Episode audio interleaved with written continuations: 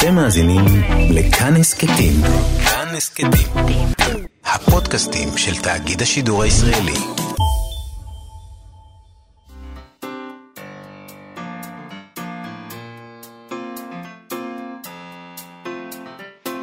מה שכרוך עם יובל אביבי ומה יעשה לה. שלום, אנחנו מה שכרוך, מגזין הספרות היומי שלכם בכאן תרבות, אה, תוכנית אחרונה לשבוע זה, אתם מאזינים לנו ב-104.9, 105.3 FM, או באפליקציה של כאן שאפשר לו אה, למצוא בחנויות, אה, בחנויות האפליקציות השונות. איתנו באולפן מיכאל אולשוונג ורות דוד אמיר על הביצוע הטכני ועל ההפקה, תודה לכם ושלום, ושלום גם לך, מה יעשה לה? שלום, שלום. היום אנחנו מציינים 100 שנים להולדתו של פרימו לוי.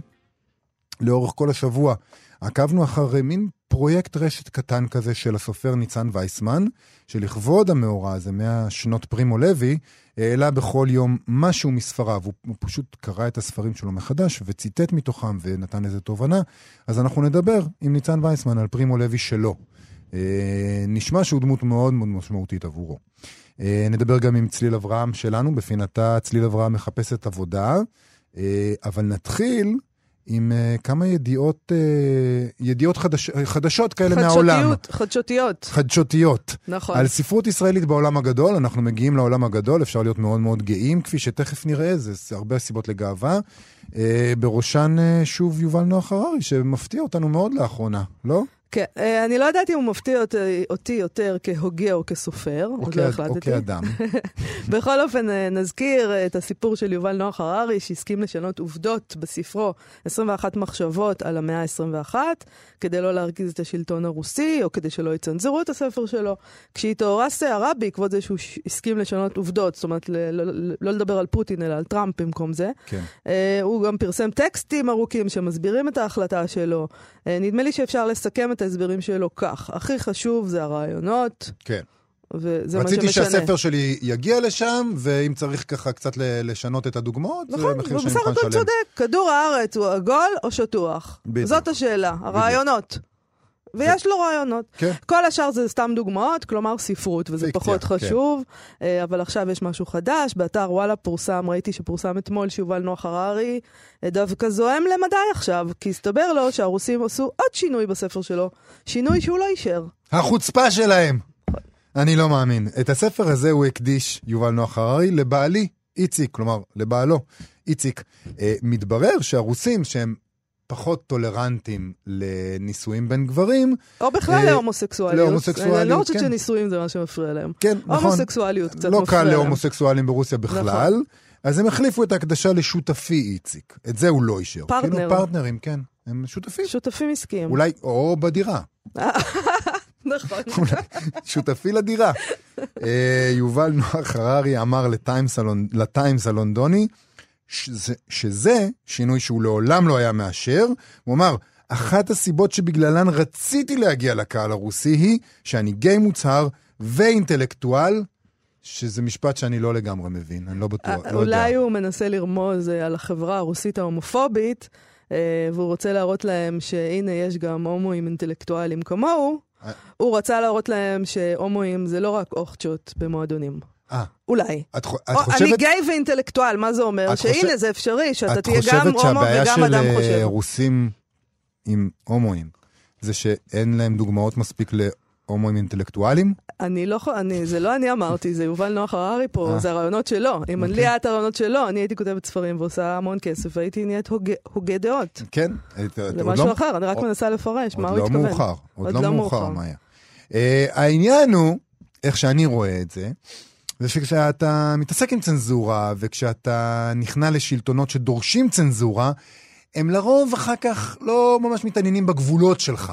רואים שאתה אה, גמיש. כן, אתה... ויזן קרא לזה הפרופסור הגמיש, הוא אמר את זה על מישהו אחר, אבל לדעתי אפשר להעביר את הכינוי הזה עכשיו. כן, הם אומרים... אה, כגביע כזה, שעובר בין אנשים. מה ההבדל בין פסקה על פוטין לבין הקדשה? הקדשה, זה גם נשאר לאיציק. כן? מה זה, מה ההבדל בין בעל לפרטנר? אני, אני באמת, קשה לי להניח שיובל נוח הררי לא ידע בטעות מה היחס של המשטר הרוסי, הרוסי להומוסקסואלים לא, ומה הוא, עושים אז להם. הוא אומר, להפך. זה מה שהוא רצה. נכון, אז הוא הוא ידע. רצה להיות ההומו אז- הזה שמדבר עליהם. אז מוזר שהוא חשב שמהרגע שהוא התיר להם לעשות שינויים כלשהם בספר שלו, הם יעצרו רק בשינויים שנוחים לו, ולא יתעכבו על הדבר הזה. דרך אגב, היו אנשים שאמרו את זה, כתבו את זה, כשהוא התיר להם לעשות שינויים, היו, אה, היו אנשים שאמרו, מעניין איך הם יגיבו לזה שהוא הומוסקסואל מוצר. אה, אוקיי. והנה עכשיו אנחנו אז הם למדים איך. הם מגיבים. נכון. ואני אומר, כשאתה מתחבק עם הדוב, אז לרוב הוא לא רק מחבק, הוא בדרך כלל שובר לך את העצמות. יפה מאוד, דימוי מקסים, יובל. הדוב הרוסי. עוד ידיעה מרגשת שנחתה על שולחננו מהוצאת זמור הכנרת ביטן. דביר נמסר לנו שהספר שלוש קומות של אשכול נבו זכה בפרס ויצו צרפת. הם. הם מסרו כך. הפרס מוענק בכל שנה לשני ספרים, האחד בשפה הצרפתית על נושא בעל אופי יהודי והשני לסופר ישראלי כותב עברית. בכל שנה מועמדים כל הספרים העבריים שראו אור ותורגמו לצרפתית באותה שנה. בשנים עברו זכו בפרס עמוס עוז, דוד גרוסמן ומאיר שלו, אה, זה גם כן מההודעה לעיתונות, אז בעצם הסאבטקסט, אתה יודע, ועכשיו אשכול נבו, שזה מהלך טבעי בסך הכל. אה, אני חיפשתי קצת, כי, אתה יודע, הודעות לעיתונות זה נחמד, אבל צריך קצת לחפש. ראיתי שלמשל זכו בפרס הזה גם חיים סבטו וירמי פינקוס. אה, רשימה אבל, מכובדת אה, שהצטרף אבל אליה לא, אשכול נבו. אבל חשבתי שזה מעניין שבהודעה לעיתונות יש עמוס עוז, דוד גרוסמן, מאיר שלו, אשכול נבו. מין הכתרה כזאת. בכל אופן, בנימוקיהן כתבו השופטות. מאז החלו ספריו של אשכול נבו לראות אור בצרפתית, אנו קוראות אותו בשקיקה. כל אחד מספריו ראוי לפרס. בשלוש קומות העלה נבו בבואה של החברה הישראלית בת זמננו. תמונה פסיכולוגית של דרי הבית. הצורך לחלוק את טרדות וייסורי הקיום, והבדידות שמאחורי הדלת המוגפת. כל זאת בהקשר למצב הכלכלי והחברתי, משבר הדיור, שים לב, בדידותן של הנשים וריקנות החברה הצרכנית. משבר הדיור ובדידותן של הנשים. אוקיי, אני לא בטוח גם לגבי המשפט הזה, אני, יש לי בעיה עם משפטים ב- אני במהלך חושבת הפתיח שזו הזה. כותרת למשהו. משבר הדיור ובדידותן של הנשים, זה... בוא נעשה מזה משהו. מה עושות נשים איילות בודדות. בזמן של משבר דיור? איפה הן? איפה הן מתבודדות? איך הן מממנות את הדירה שבה הן התבודדו בזמן שיש משבר דיור? אוקיי, בסדר. אה, מהוצאת זמורה גם שלחו את אה, תגובתו של אשכול נבו עצמו, והוא אמר, נכון. משמח ומרגש ששלוש קומות זוכה להכרה ברחבי העולם.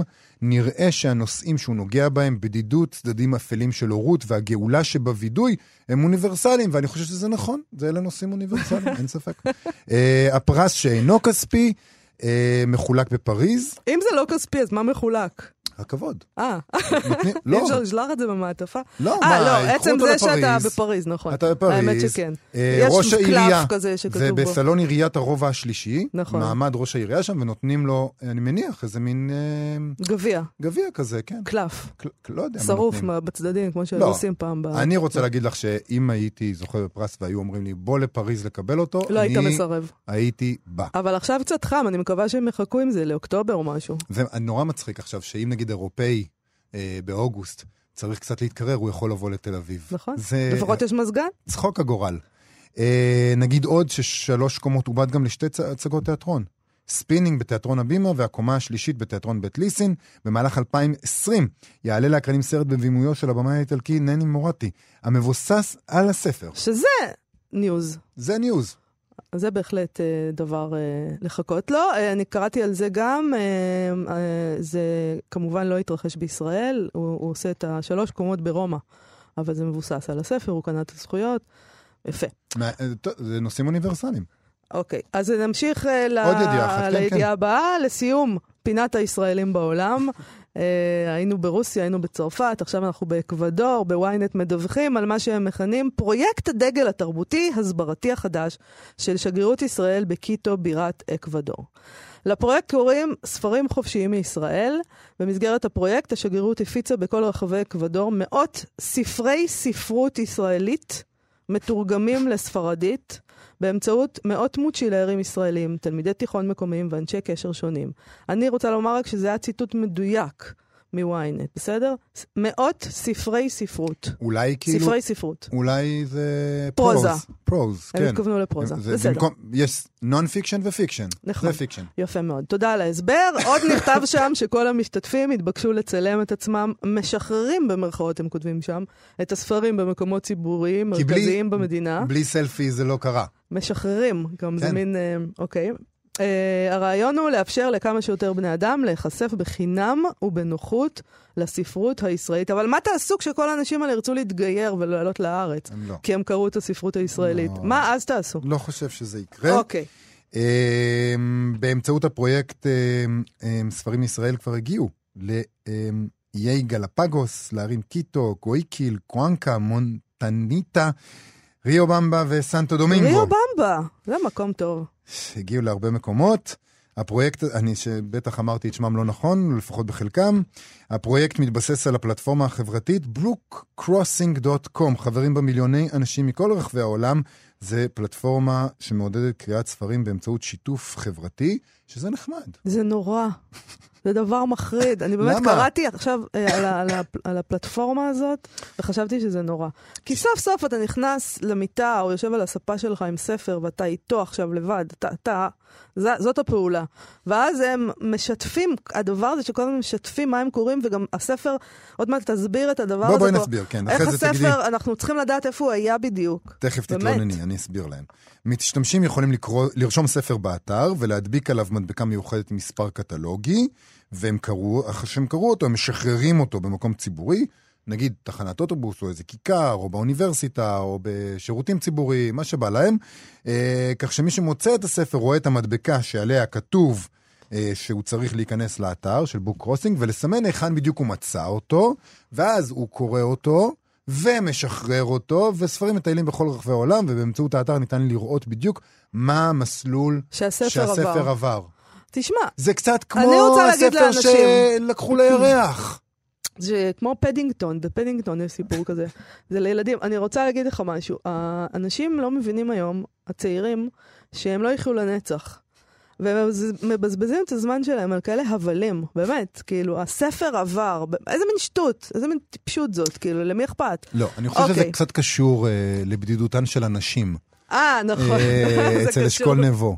אנשים הם בודדים, ולקרוא נכון. ספר זה מעשייה בודדה.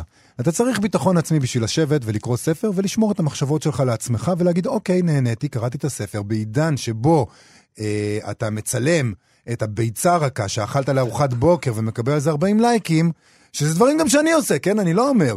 המחשבה שתקרא ספר, תיגש לחנות, תקנה אותו, תקרא אותו, ואחרי זה, או שתמכור אותו יד שנייה, או שתשים אותו במדף ותשכח ממנו, וזהו. מה יקרה, זהו? זה יקרה נמצא... משהו בתוכך. אתה- זה בתוכך. אבל זה לא, בלי נשאר. סלפי זה לא קרה, לא קראת אותו, אם טוב, לא שחררת אותו בסדר. לעולם עם סלפי ומדבקה ומספר קטלוגי. ו- אני אדם מהמאה ה-20, ואני לא יודעת להתנהל בעולם הזה שלכם, אה, אז אני רק אספר לך שבין הספרים שהופצו באקוודור, כן. הקיץ של אביה, של כן. גילה אלמגור, כן, עצוב. אה, מס-.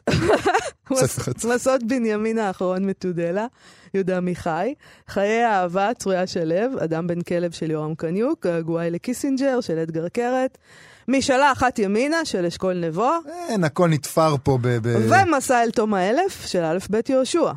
תשמעי, אה, רשימה סבבה.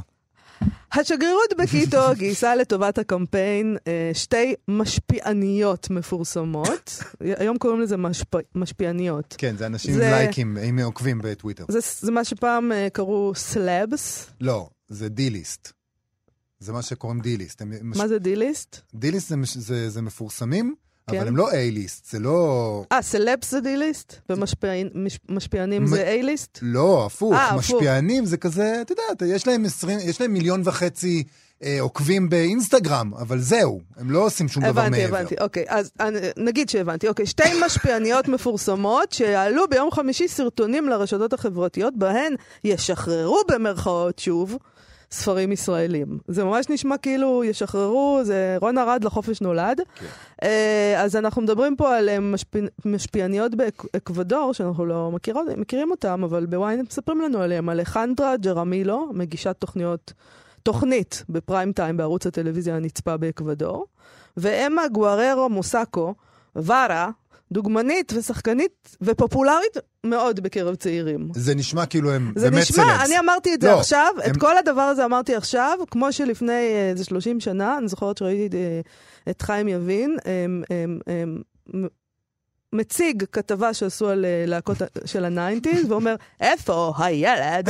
זה הר- צפת. ארגז זקנה? אז ככה אני ממש מרגישה לא, זה שאמרתי נשמע, את זה נשמע שבאקוודור אה, מדובר באנשים שהם ממש בדיוק, סלבס. לי גרינר. אז אה, שגריר ישראל באקוודור, אד, אדווין יאבו, צפוי להתראיין, או, על הפרויקט, בכמה אמצעי התקשורת החשובים במדינה, כולל תוכניות בוקר, מהדורות החדשות, עיתונים ורד, ורדיו. אה, לפי הדיווח שאנחנו קראנו בשגרירות ישראל, הופתעו מאוד מהמוטיבציות של המוצ'לרים הישראלים. מוצ'לרים. את- זה את יודעת מה זה, נכון? כן, סליחה, זו לא המצאה חדשה. לא, ברור. שלא. אוקיי, למי שלא יודע, זה בקפקרים, זה אנשים שמטיילים. נכון. עם תיק גדול על כולם הגב. יודעים את זה, יובל. כולם יודעים את זה? אתם לא המצאתם את זה. למרות שאני יודעת שאתה פשוט אה, ניסית לרמוז, ובצדק, שרואים עליי שאני לא... מעולם לא הייתי כזאת. לא עשיתי הולכי צבא, לא, תודי, לא. נכון? לא, אני כן, אני לא הייתי. מוצ'לר. אני הלכתי עם תיק על הגב, ואני גאה בזה. אמ, אני לא עשיתי זה- ואני... ואחרי אני זה עשיתי לא שבו בנים. לגבולם, וחזרתי לארץ, והיה חגיגה. כן, ונפלת אפיים- נפלת אפיים ארצה. שקתי את הרצפה. כן. אוקיי, אה, אז המוצ'לרים הישראלים מאוד מאוד, אה, אה, יש להם הרבה מאוד מוטיבציה, ובשגרירות ישראל הופתעו מכך. אני לא מופתע מכך, זו הזדמנות לעשות סלפי. אה, הם אה, מפיצים בגאווה המוצ'לרים את הספרות הישראלית בכל רחבי אקוודור, והם אומרים כך, אנו מקווים שזהו שיתוף פעולה ראשון בין, רב, בין רבים של השגרירות עם כ-4,000 ישראלים המבקרים מדי שנה במדינה. את זה זאת אמר... אומרת, אתה רוצה להגיד לי ככה, יש 4,000 אה, בחורים, אנשים צעירים, אה, כן. בנים ובנות כאן, נשים שמטיילים וגברים. מטיילים באקוודור כרגע, מהמם. לא, מדי שנה. מדי שנה, כן. כמובן, ומה שמעניין את האנשים הצעירים האלה, זה לבוא במגע עם שגרירות ישראל באקוודור, ועם אמיר סגרון, המזכיר הראשון שאמר את הדבר הזה. כלומר, מה יש לכם, אנשים צעירים? מה נסגר איתכם?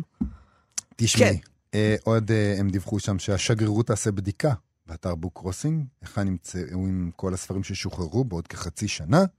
האם עשו דרך רבה והגיעו למקומות מעניינים? האם חצו גבולות והגיעו למדינות אחרות? אמילי ממש, כן. ואת הממצאים האלה ישתפו באמצעות סרטון מיוחד, שתרשו לי להבטיח לכם, אם נצפה בו, אם נזכה לדבר הזה, אנחנו נדווח עליו. אה, ושגריר ישראל באקוודור אה, אמר גם הפרויקט התרבותי המיוחד הפך את המרחב הציבורי באקוודור לספרייה ענקית של ספרות ישראלית, אני חושב שזה קצת הגזמה. הוא חלק מתנועה תרבותית עולמית המשלבת את העולם הדיגיטלי והאנלוגי, אשר מבקשת לקדם את תרבות הקריאה, את קריאת הספרים ולהפוך את העולם כולו לספרייה אחת גדולה. מה מה יש לה... מה... מאה כן. שנים להולדתו של פרימו. לוי, הסופר וגם הכימאי האיטלקי. יש הרואים בו אחד מחשובי הסופרים של המאה ה-20, אני חושב, אפשר להגיד פשוט מחשובי הסופרים של המאה ה-20 בעצם. כן. סופר ענק, אני מאוד אוהב אותו, ונהניתי מאוד, נהנינו מאוד לאורך השבוע לעקוב אחרי פרויקט קטן בפייסבוק של הסופר אה, ניצן וייסמן, קרא לו 100 שנים, שבעה ספרים בשבעה ימים. פשוט כל יום כתב על ספר או יותר של אה, פרימו לוי, אה, פוסט, אה, וככה הוא כתב בפוסט הראשון, שזה היה ברביעי שעבר. אז הוא אומר, היום, כלומר, הוא אומר, ברביעי הבא, שזה היום, 31 ביולי, ימלאו 100 שנים להולדתו של פרימו לוי, מהיוצרים האהובים עליי. שבעה ספרים שלו התפרסמו בעברית, וחשבתי שראוי להביא בכל יום משהו אחד מהם, אליהם, משהו מאחד מהם, אליהם אני שב לעיתים קרובות כבר שנים עד שהפכו חלק מחיי שלי. ובסיומו של אותו פוסט, הוא, הוא, הוא, שם, הוא שם שיר אה, בפוסט הזה, ובסופו הוא כותב כך: אוהב נאמן ומסור אני, כך שבספטמבר 2015, כשהתגלגלתי לטורינו, הלכתי לבקר בבית בו נולד לוי, וחי כל חייו מלבד השנתיים בהם היה בלאגר או עשה דרכו חזרה לאיטליה, ובו גם מת בנפילה בחדר המדרגות ב-11 באפריל 1987, והוא בן 68. למרות השנים שחלפו מאז, התווית על הדלת אה, ועל תיבת הדואר אה, נותרו כשהיו. כשצלצלתי בפעמון, השומר החשדן אפילו לא שאל אותי את מי אני מחפש. כנראה שישנם עוד אנשים כמוני שמגיעים לבית הדירות חסר הייחוד הזה בשדרה הארוכה האפורית המרוחקת ממרכז העיר.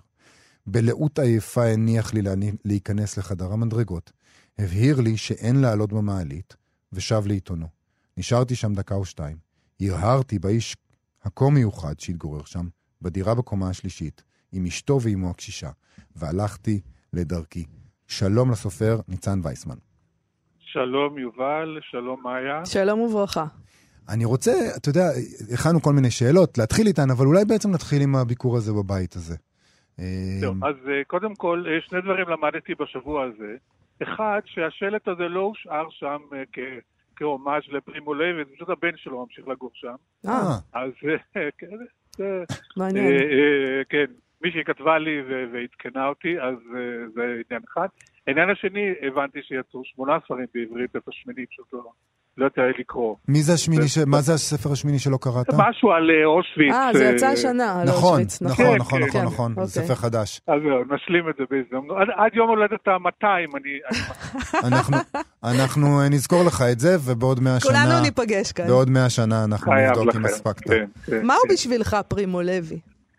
זהו, אז זה, זה באמת שאלה ככה, שככה לרגל השיחה שלנו, חשבתי על זה, מה בעצם מייצר אה, את, את האהבה של, של, של אדם לסופר, ושאלה לא פחות מעניינת, זה מה הוא עושה עם האהבה הזאת, כן. אחרי שהוא החליט שהוא אוהב אותו. אז בשבילי, קודם כל מאוד מאוד מעניין אותי לקרוא אותו, הוא, הוא סופר מאוד מאוד מעניין, ואני, כשאני אה, אה, מחליט שאני אוהב סופר, אז אני קורא אותו פעמים אין ספור. אה, ככה למדתי לא, לא לקרוא פעם ראשונה ספר של אין טעם לקרוא אותו פעם שנייה. כן. והוא הוא מהסופרים שבכל פעם שאני חוזר אליהם זה יותר מעניין. אה, אני מגלה עוד משהו, עוד אה, רובד, כי מעבר לסגנון המאוד, אה, מי שקרא אותו מכיר, הסגנון שלו הוא סגפני, הוא מצומצם, הוא מאוד מדויק, הוא מאוד בהיר. הכל אצלו הרבה יותר מורכב, הוא, הוא, הוא חושף בעצם את המורכבות של העולם אה, בגישה הומניסטית. פרימו לוי הוא בעצם הומניסט, אני חושב, הומניסט של ימי הביניים כזה, ש, אה, שמבחינתו האדם הוא במרכז, והאדם הוא מפגש של חומר ורוח, ובכל משפט שהוא כותב, הוא מכניס את זה שהאדם הוא מפגש חד פעמי של חומר ורוח, וזה מאוד מעניין. יכול להיות שבגלל זה גם השראה. היה לו, כל- ההסתכלות שלו על השואה ועל מה שעבר עליו במחנה, ואחר כך, היא כל כך מעניינת, כי... אה, ואולי זה מה שהופך אותו דווקא לקשה לקריאה בישראל, כי ההסתכלות שלו על השואה היא לא טריוויאלית עבור קורא יהודי דווקא. אה, הוא לא, הוא, הוא לא מסתכל עליה בשחור ולבן, הוא, אה, וזה גם כן בא לידי ביטוי בפוסטים שאתה כותב. במיוחד בדיבור הזה על האדם, על מי הוא האדם, האם, האם הקאפו הוא אדם, האם הנ- הנאצי הוא אדם. כל הדברים האלה באים לידי ביטוי גם בדברים שאתה כתבת. כן, אני, אני חושב שנגעת בנקודה אולי הכי חשובה. ב-11 חודשים שהוא היה במחנה מונוביץ', הוא היה אגב, הוא היה במחנה עבדים, הוא לא היה במחנה הש- אה, השמדה, הוא היה, הוא, היה אסיר בתשלובת התעשייתית הענקית שהייתה באושוויץ, אה, שגם בה אגב אנשים מתו כמו זבובים. כן. ו- אבל הוא, הוא, לצד מאבקי ההישרדות שלו, המוח שלו היה עסוק ב- ב- בלפענח מה קורה פה, ומה הם הכללים, ואיך הדברים עובדים, וכל הזמן אה, הוא, הוא, הוא, הוא עשה את זה, הוא גם מספר שהייתה חובת מקלחת בבוקר, אה, אה, אבל הוא איכשהו התחמק ולקח את החמש דקות כדי לעמוד בצד ולהסתכל, כן? למרות שהיה בזה סיכון מסוים. הוא היה מוכן לתת מהלחם שלו לאנשים שלמדו אותו גרמנית, כי הוא הבין ש... את, ה, את, ה, את החשיבות של השפה. ואת החשיבות של השפה אה, הוא לקח איתו, אני חושב, בכל, בכל, בכל חייו. זה מתבטא גם בטכניקת הכתיבה שלו, שהוא, שהוא בה עסק. בחשיבות של השפה אה, אה, כנותנת חיים ולוקחת חיים. אתה מצטט ואולי את, אה, מדבר. אתה מצטט את פרימו לוי, אה, כותב על ההתאבדות. אה, ההתאבדות היא מעשה של בני האדם ולא של בעלי החיים, כלומר, מעשה שיש לשקול, בחירה לא אינסטינקטיבית, לא טבעית, ובלאגר היו מעט הזדמנויות של בחירה. כך בדיוק חיינו, כבעלי חיים מאולפים, שלעיתים מניחים לעצמם למות, אך אינם הורגים את עצמם. היום היה דחוס. צריך היה לדאוג לסיפוק הרעב, להתחמק מעבודה מאומצת ומקור, להתחמק ממכות. דווקא בגלל קרבתו המתמדת של המוות, לא היה זמן להתרכז ברעיון המוות. Uh, אתה יודע, תמיד יש תהיות על אנשים כאלה ששרדו את אושוויץ והתאבדו אחר כך. אתה בחדר. המדרגות uh, ב- בטורינו, הבנת את הדבר הזה? לא, אבל אני חושב שאחרי שקראתי בפעם השנייה את הביוגרפיה שלו, ובייחוד את השנה האחרונה שלו, אז אה, אפשר להבין אה, הרבה ממדים. אבל באמת אחת השאלות אה, שאנשים שאלו, אה, למה באושוויץ אנשים לא התאבדו? נכון. אה, התשובה היא שהם, אה, אחת התשובות זה שהם לא כל כך צריכים להתאבד, הם ממילא כאילו לא ידעו אם יגמרו את היום. כן. אה, אבל כן אחרי אושוויץ, אה, זה- זה פרימו לב הוא לא, הוא לא אחד, היו רבים, אה, בין השאר חברים שלו, ז'אנה מארי למשל. ש- שגם כן אה, השם שלו מוכר. עכשיו, יש, אה, יש תמיד דיון על זה. אה, האם הוא נפל או התאבד? יש עדיין אנשים שתוהים על הדבר הזה. ש- ואתה למעשה, לא. אתה מכריז בפוסטים שלך. בהתחלה אתה כתבת באמת שהוא מת בנפילה, אבל אחרי זה אתה כן התייחסת לזה כאל התאבדות. לא, לא רציתי להתחיל את הפרויקט ב, ב, בשאלה הזאת של ההתאבדות, אלא יותר ב, בחיים ובמשמעות שלו לחיים שלי ושל אחרים.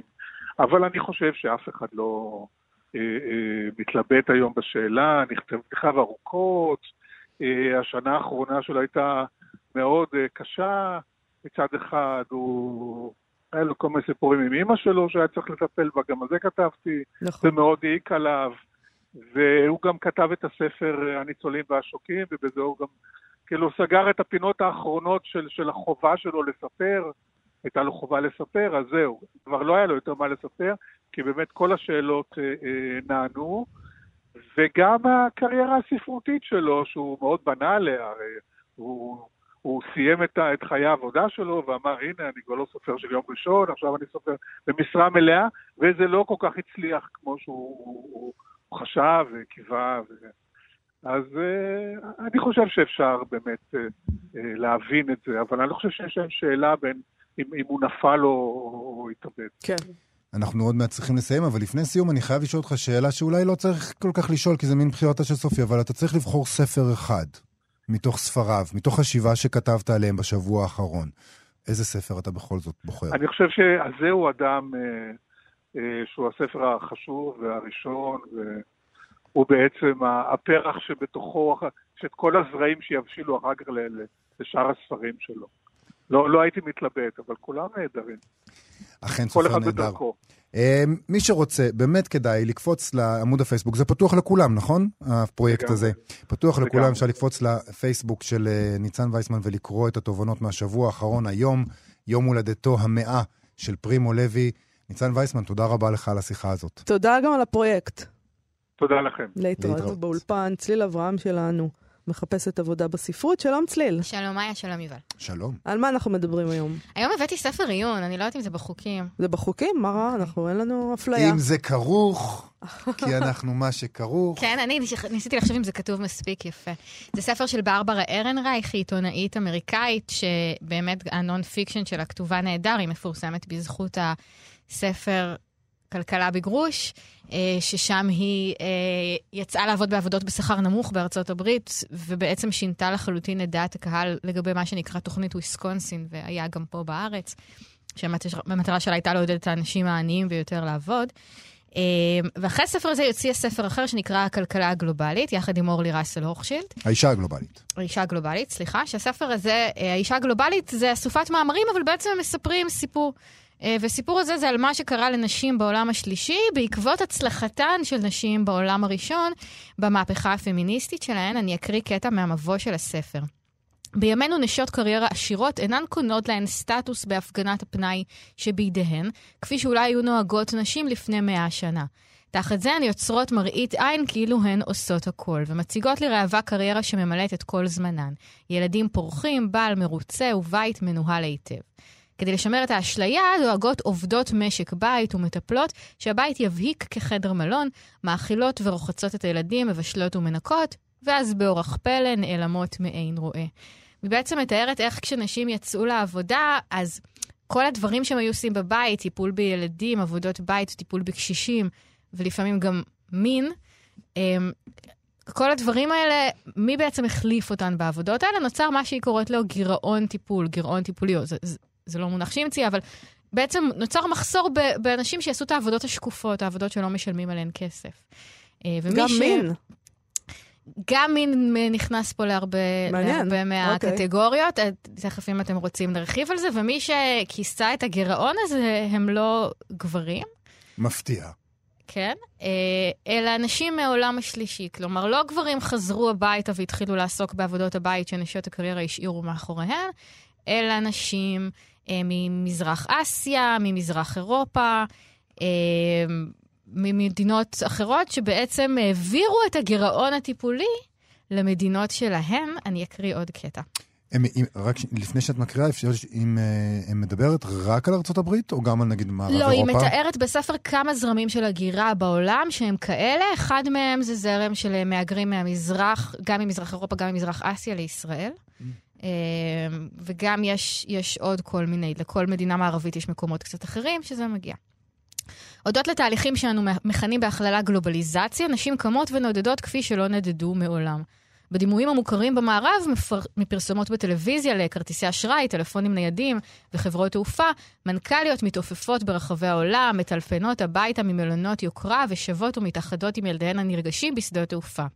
אבל אנו שומעים הרבה פחות על זרימה רחבה בהרבה של עבודה ואנרגיה נשיות. ההגירה הגוברת של מיליוני נשים מארצות עניות לארצות עשירות, כדי לשמש כמטפלות, עוזרות ולעיתים כעובדות מין. בהיעדר עזרה מבני זוגן הצליחו נשים רבות בקריירות בעולם, בעולם גברי קשוח רק הודות להפקדת הטיפול בילדיהן, בהורים קשישים ובבתיהן, בידי נשים מהעולם השלישי. זהו הצד הנשי הלא נראה של הגלובליזציה, שבו מיליוני נשים מהגרות מארצות עניות בדרום כדי לעשות את עבודת הנשים בצפון. זו חלוקה שהיום יותר מקובלת ממזרח ומערב, כי היא פשוט יותר נכונה גיאוגרפית. עבודה שנשים אמידות כבר אינן יכולות או אינן רוצות לעשות. מהגרות העבודה האלה מפקידות תכופות את הטיפול בילדיהן שלהן בידי סבתות, אחיות וגיסות. לפעמים נאלצת אחת הבנות לעזוב את בית הספר כדי לטפל באחיה ובאחיותיה הצעירים יותר. בעצם עולם רק של נשים. נשים עובדות, נשים מטפלות בבתים, נשים מטפלות בילדים, שהשאירו מאחורה נשים שמטפלות בבתים. וכל השחרור הזה הוא פייק. הוא לא פייק. הוא לא, שחרור השחרור- למחצה. השחרור הוא אמיתי, אבל מה שחסר בשחרור זה שהגברים ייקחו את החלק שאנחנו שחררנו, זה פשוט לא קרה. זה שחרור שלפי מה שאני מבין, מייצר שעבוד מסוג חדש. כן. זאת הטענה שלה בעצם. אה, ובאחד מהמאמרים בספר, אה, שכתבה אותו, רגע, זה לא פה. רסל סלזר אה, פרניאס, היא נסעה לפיליפינים לראות מה קורה שם. אה, והיא כותבת, סליחה, הנה זה. אה, היא מתארת את הילדים בפיליפינים שבעצם בהיעדר האימא הם מחליפים את המקום שלה. אה, יש שם ילדה שנקראת אלן, היא אומרת, זו הייתה אסטרטגיה וכולנו היינו צריכים להקריב למענה, כולנו היינו צריכים להסתגל כל יום בחיינו. תתארי לך מה זה להתעורר בלי אימא שתקרא לך לארוחת בוקר, ושלא יהיה מי שיכין את הבגדים לאחים שלי. כולנו הולכים לבית הספר, אני הייתי צריכה להתעורר יותר מוקדם. הייתי צריכה להכין את הבגדים שלהם, הייתי צריכה להכין אותם ולעזור להם להתכונן לבית הספר, ובלילה הייתי צריכה גם לעזור להם עם שיעורי הבית. הייתי צריכה להיות המורה הפרטית שלהם. לשאלתי אם התמרמרה על העבודה הנוספת הזו, השיבה אלן, לא. ראיתי בזה אימון שיעזור לי להפוך למנהיגה. זה עוזר לך להיות מנהיגה יותר טובה אם את עושה דברים כאלה כל יום. זאת מין הרפתקה בשבילי וגם בשביל האחים שלי. זאת אומרת, השעבוד הוא לא רק של הנשים האלה שנאלצות להגר, אלא גם של הדורות הבאים באותה מדינה גם שהם את. הגירעון הטיפולי שהן יוצרות. יש מחיר ל... מש- לכל דבר, ויש מישהו, יש אי שם אנשים שמשלמים את המחיר על השחרור ועל הקריירות. ו- וגם על הנעליים המאוד זולות, בדיוק, והבגדים שאנחנו קונים ב- דיברנו על זה עם ברשתות. עם כן, הגר- כן, עם יש הגרביים. מישהו משלם את המחיר. נכון. עם השיר על הגרביים. אה, בסופו של דבר, כדי שאתה אה, תחיה חיים טובים, אין מה לעשות, זה משחק סכום אפס, אתה חייב שמישהו אחר יסבול. וזה דומה למה שאנחנו אומרים תמיד על אה, ספרות מדע בדיוני. האוטופיה של האחד היא תמיד הדיסטופיה של האחר. זאת אומרת, השחרור של אה, חלק אחד של העולם חייב לבוא על חשבון משהו אחר. וזה נכון לגבי כלכלה, וזה נכון לגבי מוצרים, וזה נכון לגבי פנאי ולגבי דור ההמשך, כן. ולגבי מיליון דברים אחרים. אנחנו, רוב הזמן יש לנו את הפריבילגיה לא לראות את זה, עד שפתאום יש נכון. נשים פיליפיניות וילדים שרוצים לגרש אותם מהארץ, וכזה, אה, כן, אנחנו גם בני אדם, והנה המחיר של הגלובליזציה ושל הצמיחה הכלכלית הזאת. זה, זה מה שקרה פה בינתיים. בעיקר אני אוהבת את זה שהיא... אה, יש, אני לא יודעת, יש איזה משהו שגורם לנו לחשוב שכאילו הן משאירות את הילדים שלהם מאחור, וככה זה. הן רגילות, זה מה שהן מכירות, זה בסדר.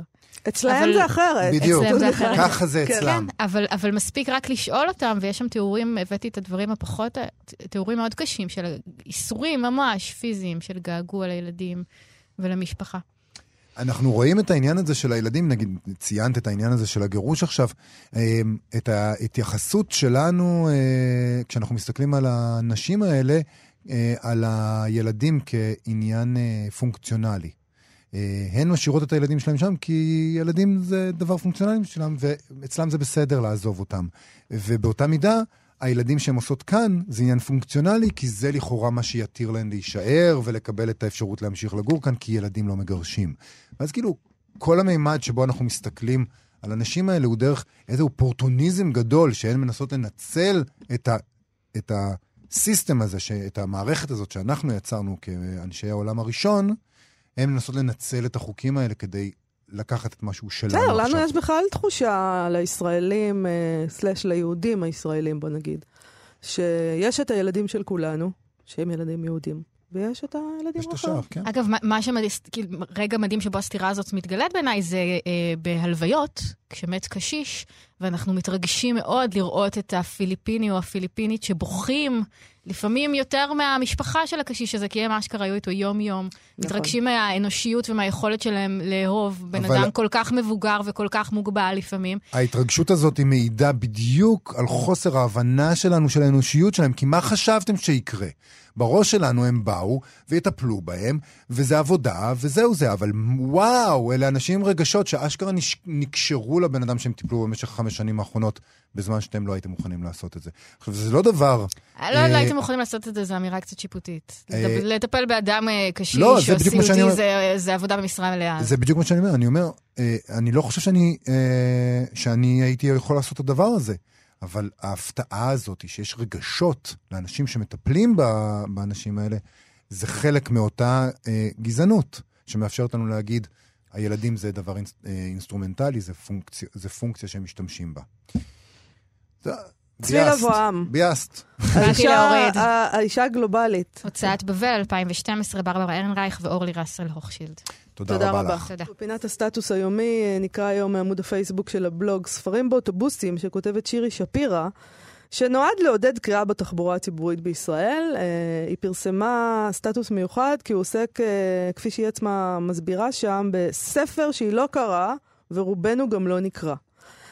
היא מטיילת כרגע באירופה ומספרת בפוסט כך: אתמול הרגשתי אירופאית במיוחד, חום זניח של 36 מעלות גרם לי לסבול. ויצאתי להתאוורר במזג... במזגן של הקניון הקרוב למקום מגוריי הזמני. נקלעתי לסניף של רשת חנויות ספרים גדולה ומבוססת כנראה, שכמו אצלנו מתמחה גם במכשירי כתיבה, מתנות, צעצועים, ובוודאי גם מטענים משוכללים לטלפון. באחד הדוכנים המרכזיים נתקלתי ברומן הביקורים של פיליפ וייס, סופר וינאי, יליד 1982, שעד אז כתב פרוזה קצרה ומחזות. בסצנת הספרות הגרמנית הוא ידוע גם בתור מי שב-2009 קרא טקסט שלו בטקס של פרס אינגבורג, אינגבורג בחמן, וסיים את הקריאה באכילת הטקסט, כמעשה מיכאל קולהז, אצלם, או עופר נמרודי אצלנו. הזכור לטוב. כן. היא מצרפת לסטוס הזה תמונה של מארז מהודר כזה, בקרטון כזה, ובתוכו יש חמישה ספרים, חמישה. אה, היא כותבת שם כך: הטיפוס המסקרן הזה הוציא בשנה שעברה את הרומן המופיע בתמונה. אכן, מבחינת ההיקף והמארז נראה כאילו זאת מהדורת כל כתביי, אבל מדובר ברומן אחד בין חמישה כרכים ששמו "בקצה העולם יושבים האנשים וצוחקים". Uh, הספר השאפתני הזה כולל חמישה טקסטים בז'אנרים שונים, מפי מחברים שונים, פרי מוחו של וייס, למשל, רומן גרפי המתרחש בטוקיו, או אנציקלופדיה מאת צעירה שחיה בצרפת במאה ה-19, כל אחד מהכרכים אמור לעמוד בפני עצמו, אבל לקיים קשרים עם הכרכים האחרים שמשתרעים על פני שלוש מאות, המאה ה-19 עד המאה ה-21, ולפחות שתי יבשות, ועל פי תיאורו נועד לברר את טיבה של התקופה שבה האדם נהפך לכוח מכריע בעולם. נשמע מעניין. מאוד. היא ממשיכה וכותבת, זכרתי היטב שבמפגש שנערך בהוצאת זורקאמפ אה, שבברלין לפני שנה, הציגו לי ולעוד 17 אה, מתרגמים מגרמנית את ההגאות האחרות של הספר הזה. אשת ההוצאה שנפגשה איתנו הסבירה שזה אמנם פרויקט יקר וכנראה לא מסחרי, אבל שזה מסוג הדברים הנועזים שהם מוכנים להשקיע בהם. מובן שהטקסט בפיה היה לפחות בחלקו טקסט שיווקי, אבל הוא לגמרי קנה אותי. הלוואי עלינו מו"ל שיהיו לו המשאבים והעניין להוציא משהו כל כך גדול ומשונה מאת סופר בלתי מוכר, והלוואי עלינו מו"ל שיוכל להתמודד עם תרגום של דבר כזה. אולי זו הייתה רק חדוות המזגן שכה עודדה את רוחי, אבל בכל אופן התרגשתי מאוד לראות את הקופסה בת חמשת הכרכים נמכרת בחנות ספרים סטנדרטית בקניון. וגם אם לא אמצא בקרוב את הספר לקרוא ואת המקום במזוודה, התמלאתי השראה, רק מעצם ההיכרות עם הספר והידיעה שגם דבר כזה יכול להיכתב, ונכתב, ואף נמכר לקהל הרחב. נכון, זה נשמע ספר מסקרן מאוד, אם כי טקסטים כאלה עלולים להיות uh, קריאה מתישה לפעמים. Uh, באתר ההוצאה הגרמנית מדווחים שמדובר בסך הכל בכאלף דפים לקריאה. הם כוללים באתר שם גם כמה ביקורות מהעיתונות הגרמנית, כמו למשל השפיגל, שבו נכתב על הספר, שהוא על הכל וכל השאר, וקצת יותר מזה. מי שחושב שהאפוס העתיק מת, שיחשוב שוב פיליפ וייס מנסה להחיותו מחדש, הדרישה של הספרות לטוטליות שוב ניתנת לדמיון. זה הביקורת בשפיגל. יפה. בתג צייטונג נכתב, פיליפ וייס כתב ספר ביקורים זועם, פרויקט שאין דומה לו. ברפבליק נכתב, הדרך שבה הסופר גורם לנו להתפלל מול היצירה המשונה, שאנו קוראים לה אנושי, הדרך שבה הוא גורם לנו להעריץ את המינים הנרקסיסטיים ללא תקנה ולהתייאש מהם, הדרך שבה הוא יותר שבה הוא טקסט נגיש ומעורר חושים, זה מה שהופך את הרומן הזה לגדול. זה ממש נשמע מעניין. נותר רק לחכות שהוא יתורגם, כמובן. אה, מעניין אם יעשו את זה, גם איך יעשו את זה. לא בטוח שהפורמט הזה מתאים לדרך שבה ישראלים חווים ספרים. ומצד שני, קרל אובק נאוסגרד, שדי מצליח כאן, וזה גם, אם נכון. תצמיד הכל ביחד, זה יותר מאלף עמודים. לא, הרבה יותר. 3,600, משהו כזה. אז אפשר, אפשר לדמיין דבר כזה. אפשר, בהחלט. לסיום, אה, כן. כמה המלצות על אירועי ספרות לסוף השבוע. אז מחר, יום חמישי, בתולעת ספרים ברחוב מה זה בתל אביב, יתקיים ערב השקת הספר פתק של גילי חיימוביץ'. מדובר בשיר אחד שתורגם ל-21 שפות. השתתפו בהשקה הורציו סברדה. המו"ל הוא מתרגם השיר לספרדית, פבלו מסאדו, שגריר מקסיקו בישראל. סולב קניקה, שגריר אסטוניה בישראל, יאת אבו שמיס, נדיה עדינה רוז, דרה ברנט, מרדכי חיימוביץ'. מעניין הדבר הזה שתרגמו שיר אחד. כן. ל-21 שפות, נהדר. בחמישי, למי שנמצא בירושלים, מחר אה, באולצר ספרים יקיימו ערב לימוד של ספר הבריאה של נתן האזתי. בשעה שמונה בערב. וביום שישי בצהריים בתיאטרון תמונה בתל אביב תתקיים השקת הספר בריכה עירונית של הדבב עולה, שדיברנו איתה ממש אתמול. ממש כאן, אתמול, בדיוק, איזה דבר מדהים. שנייה וחצי. לא יאמן. Uh, בערב הזה השתתפו ליאור ריבלין, נועה קולר, יוסי מרשק. אה, דניאל סולומון ועלמה כהן ורדי, העורכת. וזה זמננו לסיים אה, לשבוע נהדר זה. כן. תודה רבה לרות דוד אמיר ומיכאל אולשוונג, שעשו איתנו את התוכנית. אחרינו, המעבדה עם גיל מרקוביץ', ואנחנו נהיה פה שוב ביום ראשון. להתראות. להתראות.